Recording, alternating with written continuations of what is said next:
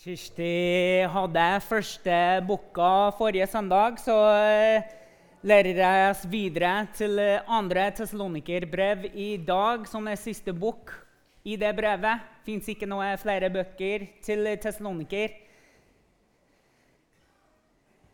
Men jeg tenker hvor herlig det måtte ha vært for dem å få et brev fra en som elsker dem, en som ønsker dem det beste, ikke bare for livet, men for å opplære i Guds rike, for å utvikle sin tro, for å stole mer på hvem Jesus er, og ankomsten, for å lære hva det vil si å arbeide i tro, for å bygge opp samfunnet og bygge opp det fellesskapet som de tilhørte. Og jeg syns det gjelder alle oss her i dag. Så mens jeg deler noen refleksjoner rundt andre Tessalonikerbrev, håper jeg at dere ikke bare tenker her er en gammeldags bok som liksom tilpasser bare de fra den menigheten. Alt som vi leser i Bibelen, tilpasser oss i vårt liv her og nå. Det tilpasser oss her i vår menighet, her og nå.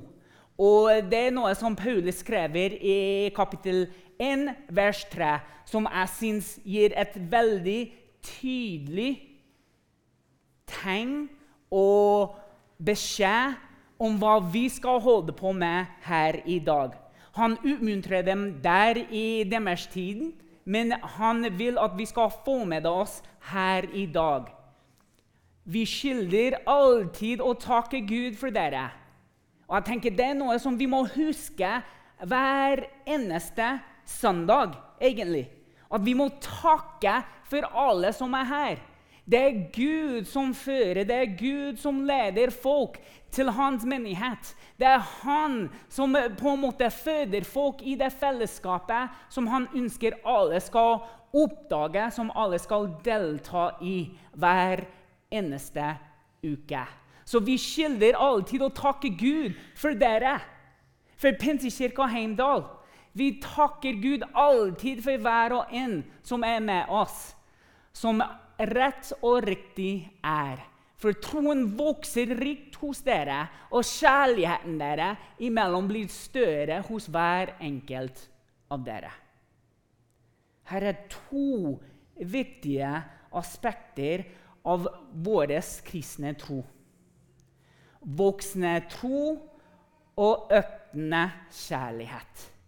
Her er en menighet som levde et helt annet liv før. De, de var veldig knyttet til avguder. De var i tempelet og tilba dem, de solgte ting. De, de gjorde mange ting som viste samfunnet at vi er med på det her.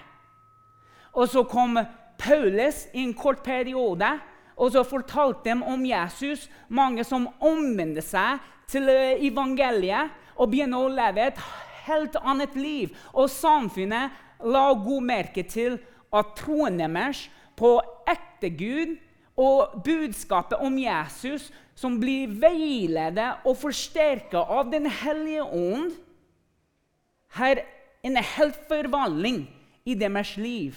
Og hvordan de tilpasser hverandre, hvordan de behandler andre i samfunnet. Og så De ser at oh ja, det, det, er ikke bare det med tro, at de tror på Gud, at de tror på det budskapet om Jesus. Og De tror at de har fått Den hellige ånd som veileder dem. Men at de elsker. Den kjærlighet var store hos hver enkelt. Det vokste i det daglige livet. Det er så viktig for oss som menigheten.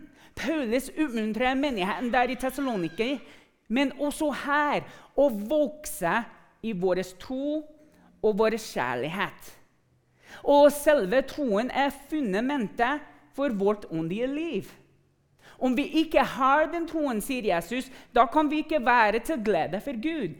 Hvor er det behaget i vårt liv? Det er i den troen vi har på Jesus. Det er det som gjør oss til behag for Gud. At vi kan ære Han, at vi kan tilprise Han, at vi kan komme foran Han og tjene Han med glede. Det er det den menigheten har holdt på med.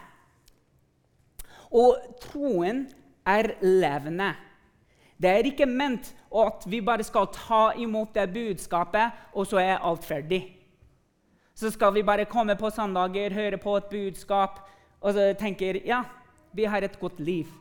Det er et veldig godt utgangspunkt for folk som for første gangen hører om Jesus, at de begynner å koble seg til menigheten. Men her er en menighet som tenker at det er ikke bare viktig at vi har tatt imot budskapet, men vi må begynne å la det påvirke og endre hvordan vi lever ut vårt liv daglig. Det er ment hele tida at vi skal vokse og utvikle i den troen. Og på samme måte at en frøplante trenger næring og pleie for å vokse, trenger også vår tro næring og pleie ofte.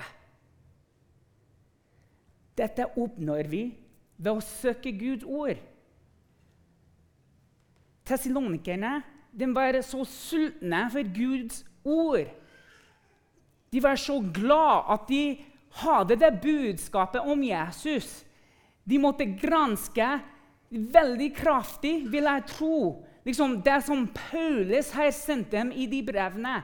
Det som har, eh, de som har kommet på besøk til dem og snakket med dem om Jesus og den, det kristne livet, hvor viktig det var for dem å samles rundt et bord sammen med hverandre. Og samles rundt de forskjellige møteplassene der i Tessaloniki. Og snakke om og be gjennom og takke og prise for hva de har fått. Det er hvordan de utvikler seg i den troen. Det var ikke bare at de tenkte ok, nå er det ferdig, vi har uh, hørt det her. Men hva mer kan vi lære oss? Hvor viktig det er for oss her i dag å åpne Skriften og begynne å lese gjennom særlig Det nye testamentet, som forteller oss alt om Jesus som tilbringer oss inn i Guds rike sammen med hverandre.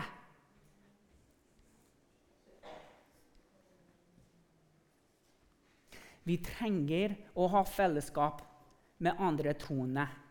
Vi snakker veldig ofte hvor viktig det er for oss å gå ut i verden og fortelle andre mennesker om Jesus. Men hvis vi ikke er inn i Guds ord ofte, regelmessig i hverdagen, og hvis vi ikke henger med andre kristne, hvis vi ikke er sammen med andre troende mennesker som hjelper oss å utvikle den troen, utvikle de tankene vi har om hvem Jesus er i vårt liv, hva vi kan gjøre med det livet Da blir det egentlig litt vanskelig å gå ut og fortelle folk om Jesus.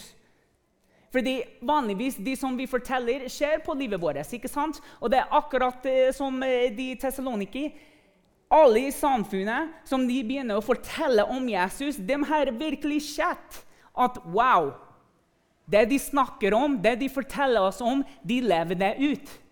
Det budskapet om Jesus som de har tatt imot, de lever ut den tilgivelse, de lever ut den tilbedelse, de lever ut den kjærligheten for hver og en av oss, selv om vi er veldig ekkelt til dem. Selv om vi banker dem opp, selv om vi har eh, liksom jager Paulus ut fra Tessaloniki, så viser de fortsatt alle de tingene de har lært. Og det er pga. det fellesskapet som har forsterka den troen inni dem og fikk dem til å utvikle og utvide seg som troende mennesker. Og at vi praktiserer åndelige disipliner som bønn, faste og hans tjeneste i Guds rike, som tjener ham og tjener hverandre. Her er ting som hjelper hver enkelt person utvikle troen i det daglige livet. Til og med troen det er ikke ment å leve isolert av andre mennesker. Vi ser at han snakker om en gruppe. Han skriver til en gruppe. Ikke til en person, ikke til en pastor, ikke til en disippel, ikke til en apostel. Han skriver til en gruppe, en menighet der, og ønsker at de skal få med seg at du skal ikke leve det livet du lever i Jesus Kristus isolert fra andre, det uttrykkes og oppleves best gjennom kjærlighet. Og kjærligheten dere imellom blir større hos hver enkelt av dere. Kjærligheten er kjernen i Guds karakter. Og vi er kalt til å etterligne ham. Bare tenk på hvor mange folk har valgt inn i en kirke, og så har aldri kommet tilbake. Og så det, det er kanskje pga. et budskap de har hørt, eller eh, noen som har eh, tidligere gjort noe galt mot dem, eller den dagen de besøkte kirken, så var det ikke helt som de har tenkt, eller ingen sa hei til dem. Og så kom de aldri tilbake. Det har litt å si om den personen, men det har også litt å si om Guds menighet. Hvordan vi ser og tar vare på mennesker når de kommer inn hos oss. Vi ønsker, og jeg mener at menigheten i Tessaloniki de så akkurat sånn ut. Du har et helt annet liv, men vi ønsker deg velkommen her. Vi ønsker deg velkommen i dette fellesskapet. Men ting må endre seg i løpet av den tiden. At du er her hos oss. Og hvordan ting skal se ut, og hvem du skal leve livet ditt for, og valg du skal ta. Fordi når Jesus får førsteplassen, da tar vi baksetet, og vi lar han kjøre. Og vi må føle etter, og vi må bli med på den reisen. Og Paulus hører om tesalonikernes voksne kjærlighet til hverandre. Og det var en bekreftelse for Paulus og et vitnesbyrd til de som bodde i Tessaloniki, at troen, Guds menighet, hadde tatt imot, var ikke bare en teoretisk kunnskap, men en livsstil som de levde ut i hverdagen. Jesus sa at verden skal kjenne oss ved hvordan vi elsker hverandre. Jeg syns det er et veldig kraftig bilde for verden. Hvordan vi elsker hverandre som går i vårt fellesskap. Kan jeg være ærlig med dere? Det er, det er litt vanskelig. Det er litt vanskelig av og til for meg å elske hver person som går i menigheten. Og jeg skjønner at det er litt vanskelig av og til for at alle som går i menigheten, skal elske Jean.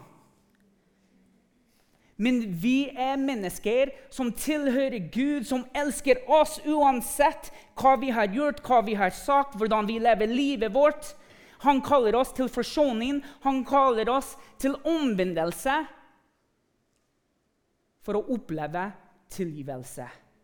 Og når vi får med oss det budskapet, når vi har skjønt hva Jesus har gjort på korset, hva den oppstandelsen betyr for oss og livet vårt, den kraften vi har inni oss av Den hellige ånd, da kan vi gjøre det beste vi kan og vise den større kjærligheten som vokste imellom hver og en av de som var i Tessaloniki. Det, det er, virkelig en, eh, en, realitet for oss og vårt liv. Men vi må gå med, med det ønsket å vise kjærlighet til hverandre. Uansett hva, hva, den personen har gjort for mange måneder siden eller eh, år siden eller eh, kommer til å gjøre i fremtiden. Ja, men vet du hva? Det er helt mulig, fordi Guds kjærlighet den kjærligheten som Jesus viste oss på korset, det lever i meg. Jeg kan elske den personen uansett. Vi trenger ikke å være besties, men jeg kan elske den, og de kan elske meg. Kjærligheten er kjernen av Guds karakter. Vi kan la oss inspirere av tesalonikernes eksempel.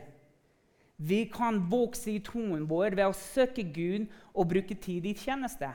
Tjeneste til Gud er en drivende faktor i en økende kjærlighet til andre mennesker. Det er hvordan Hanna vet at jeg elsker henne. Fordi jeg ønsker å behandle henne med kjærlighet hver eneste dag. Og den kjærligheten gjennom mine handlinger, gjennom mine ord, gjennom at jeg ønsker å bruke tid sammen med henne, det viser hun at den kjærligheten jeg har, øker for henne. Det er ikke alltid den samme som var når vi starta. Det har endret seg over tiden.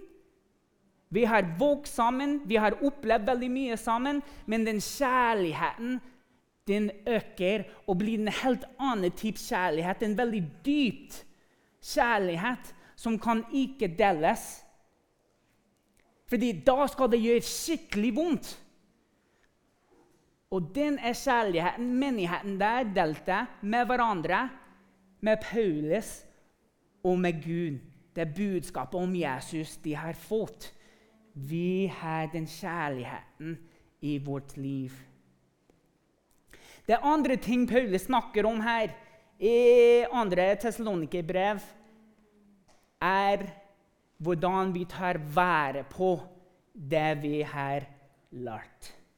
Stå derfor støtt, brødre, og hold fast på overlevering dere har blitt opplært i, enten ved tale eller ved brev fra oss. Vi bli minnet om viktigheten av å stå fast i troen og holde fast ved det vi har lært i Guds ord. Paulus oppfordrer tessalonikerne og oss til å være stedfestet i vår tro og ikke bli ristet av tvil etter forfølgelse. Som kristne er vi kalt til å vokse i vår kunnskap og forståelse av Guds ord. Men hvordan gjør vi det? Vi snakker eh, kanskje ikke nok, eller kanskje dere syns altfor mye, om eh, knekkgrupper eller husgrupper. Men jeg syns vi kan ikke stå her og forsyne eh, hvert kapittel gjennom hele Bibelen hvert år. Det blir eh, litt for mye for, eh, for dere. Og særlig for eh, Kirsti, som er teolog, som vi skikkelig trenger eh, her i menigheten. Så det er så viktig at vi har mennesker som har kunnskapen her, og at folk her kan gå til og si vet du hva, jeg har et spørsmål. Jeg lurer på det her. Og at vi kan dra de spørsmålene inn i knekkgrupper. At du kan gå til de som leder knekkgruppen, til og med fellesskapet der, og snakke med dem grundig om hva du syns. Eh, kapitlet, verset, tanken er bak det her. Hva er det Paulus mente når han snakker i 2. Tessalonikerbrev, kapittel 2, vers 15, da han sa 'Stå derfor støtt, brødre', og hold fast på den overlevering dere er blitt opplært i? Da kan vi begynne å grave litt dypere trekke noen ting ut som vi kan bruke i vårt liv. Vi blir støtta av Guds ord. Vi skal holde fast i det vi har lært i den. Som kristne må vi forholde oss til det som står i Guds ord. Men det er ikke nok å bare lære hva Guds ord har å si. Vi må også handle i samsvar med det vi har lært. Paulus skulle aldri ha trodd på bare på ord som blir sagt ham. Det var mange som begynte å eh, her blir en, en kontradiksjon nå i forhold til det jeg sa. Men det var sagt at nå liksom handler de i samsvar de her opplært av deg, Paulus. Det var ikke lenger bare ord, men nå arbeider de i den troen de har. Nå handler de med gjerninger i troen de har fått. Og det er fortalt hele byen at her er noe som skjer. Her er folk som har hatt en forvandling.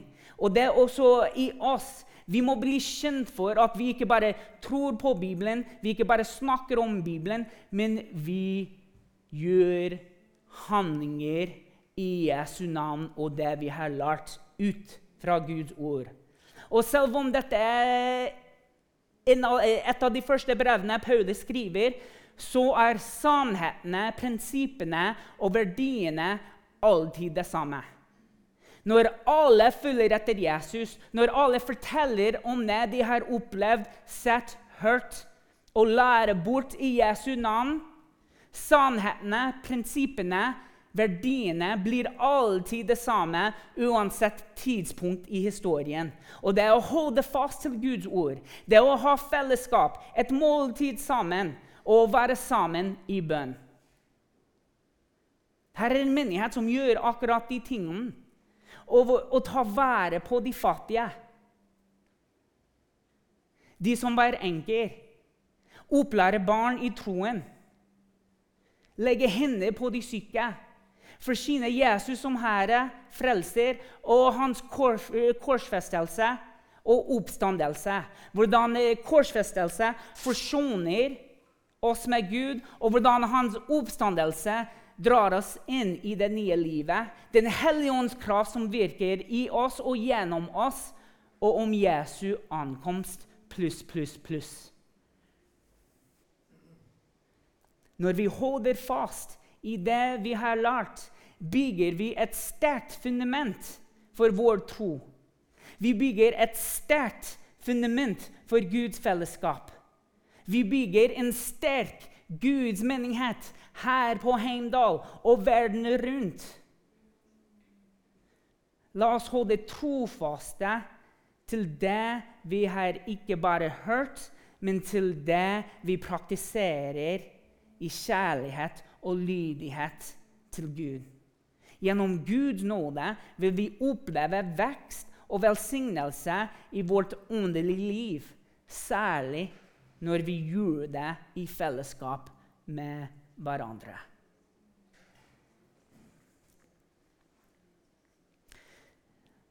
Det siste syns jeg er veldig viktig at Paulus snakker om her, er arbeidets viktighet og fredens gaver. For alt mens vi var hos dere, ga vi dette påbudet. Den som ikke vil arbeide, skal heller ikke ete. Det høres veldig sterkt ut, særlig i en kultur som Norge. Hvis du ikke arbeider, så får du ikke spise. Men du må ha litt kontekst i, forhold til hva han snakker om. For de som Kiste snakka om forrige søndag, det var mange som ble veldig opptatt av liksom, hva skjer når vi dør. Kommer Jesus tilbake? Og så ah, Når skjer det? Og det er fortsatt i dag, mener jeg. Jesus kommer tilbake, alle må være klare. Ah, når er den dagen?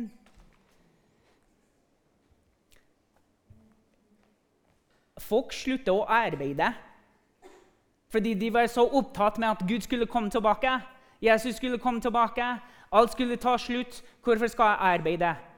Hvorfor skal jeg gjøre noe mer? De har mistet hensikten med hvorfor de har fått budskapet om Jesus, og hva de skulle gjøre videre med det budskapet. Så Paulus kommer i bildet nå og sier, 'Vet du hva? Du må arbeide.' Du må fortsette å leve det livet du har fått, det nye livet i Jesus. Fordi det er også en ting til som forteller mennesker om det budskapet du har fått. Så arbeid for Gud. Arbeid er kjempeviktig når vi ser på Adam. Det var det første han ble skapt til. Fellesskap og så arbeidet. Det er akkurat det vi er kalt til. Å arbeide og gjøre noe og gjøre noe for Gud og gjøre noe for andre mennesker. Vi må finne en måte som vi kan hjelpe til på dette området. Vers 11. Men nå hører vi at noen blant dere ikke skikker, ikke skikker seg vel. De arbeider ikke, men er opptatt med unyttige ting. Slike folk påbyr og formaner vi i den Herre Jesus Kristus at de skal arbeide i stillhet og etter sitt eget brød. Men dere brødre blir ikke trette av å gjøre det gode. Men dersom noen ikke vil adlyde vårt ord her i brevet, så merk dere hvem det er. Du ser, Vi merker ut hvem det er her i Pensekirka. Tuller, tuller. Nei, nei, det gjør vi ikke. Vi skylder ikke på folk her. Heldigvis bor dere ikke i denne tiden og går ikke i menigheten der i Tessaloniki. Da kan du prise og takke Gud for, faktisk.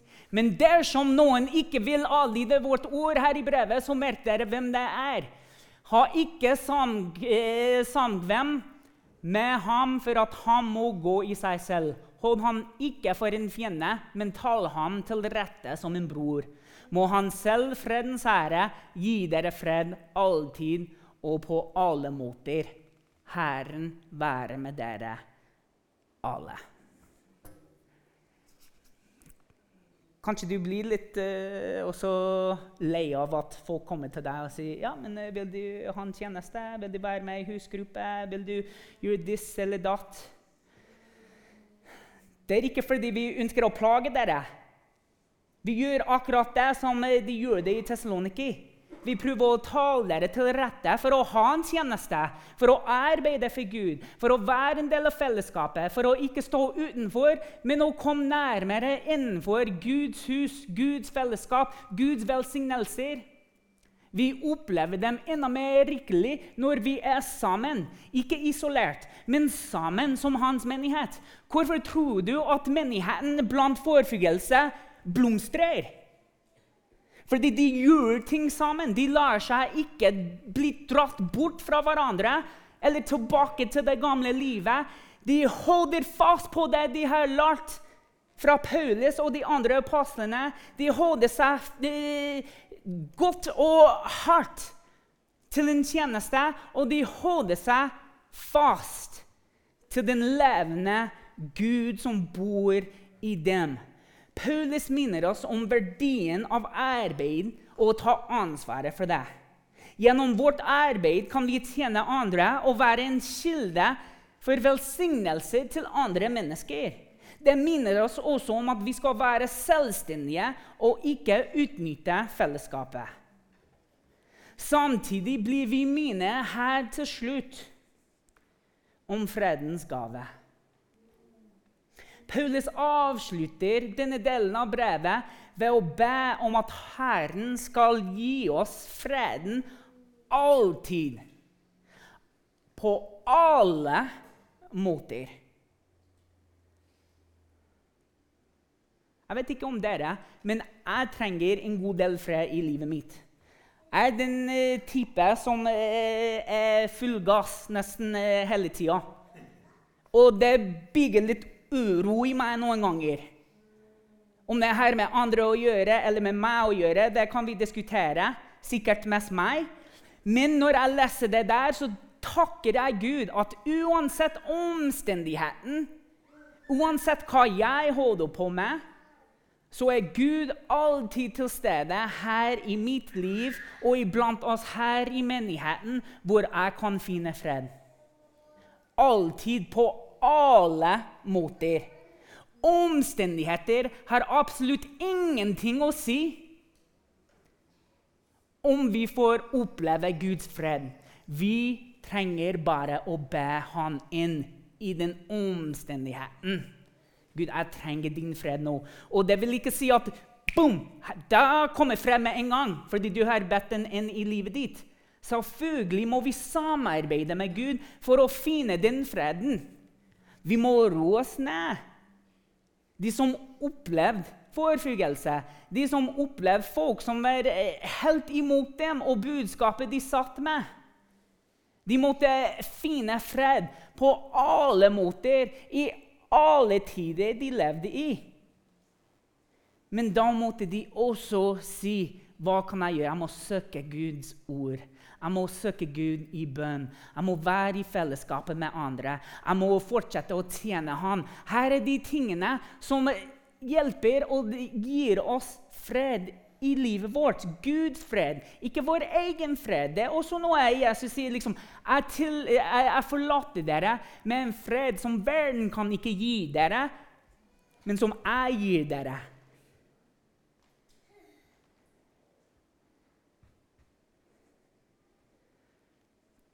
Dette minner oss om at i vårt arbeid og i vårt fellesskap trenger vi Guds fred, som holder oss rolige og balansert i alt vi gjør. La oss derfor arbeide med glede. La oss ikke holde oss bort fra en tjeneste. La oss vise ansvar og hjelpe hverandre. Samtidig som vi søker Guds fred i alt vi gjør. La oss være et eksempel for andre i vårt arbeid, og la Guds fred fylle våre hjerter og vårt fellesskap.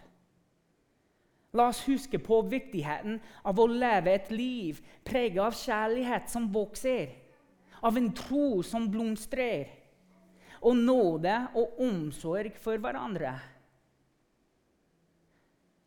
Jeg ber at Gud velsignelser skal alltid være med oss mens vi fortsetter å søke Gud og vandre gjennom dette livet med Den hellige ånd som veileder oss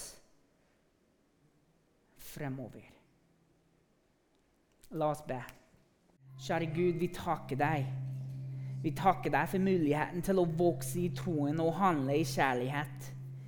Hjelpe oss alltid å søke deg og ditt ord for næring og inspirasjon og frimodighet i vårt liv. La vår tro bli synlig gjennom den kjærligheten vi viser hverandre. I Jesu navn. Amen.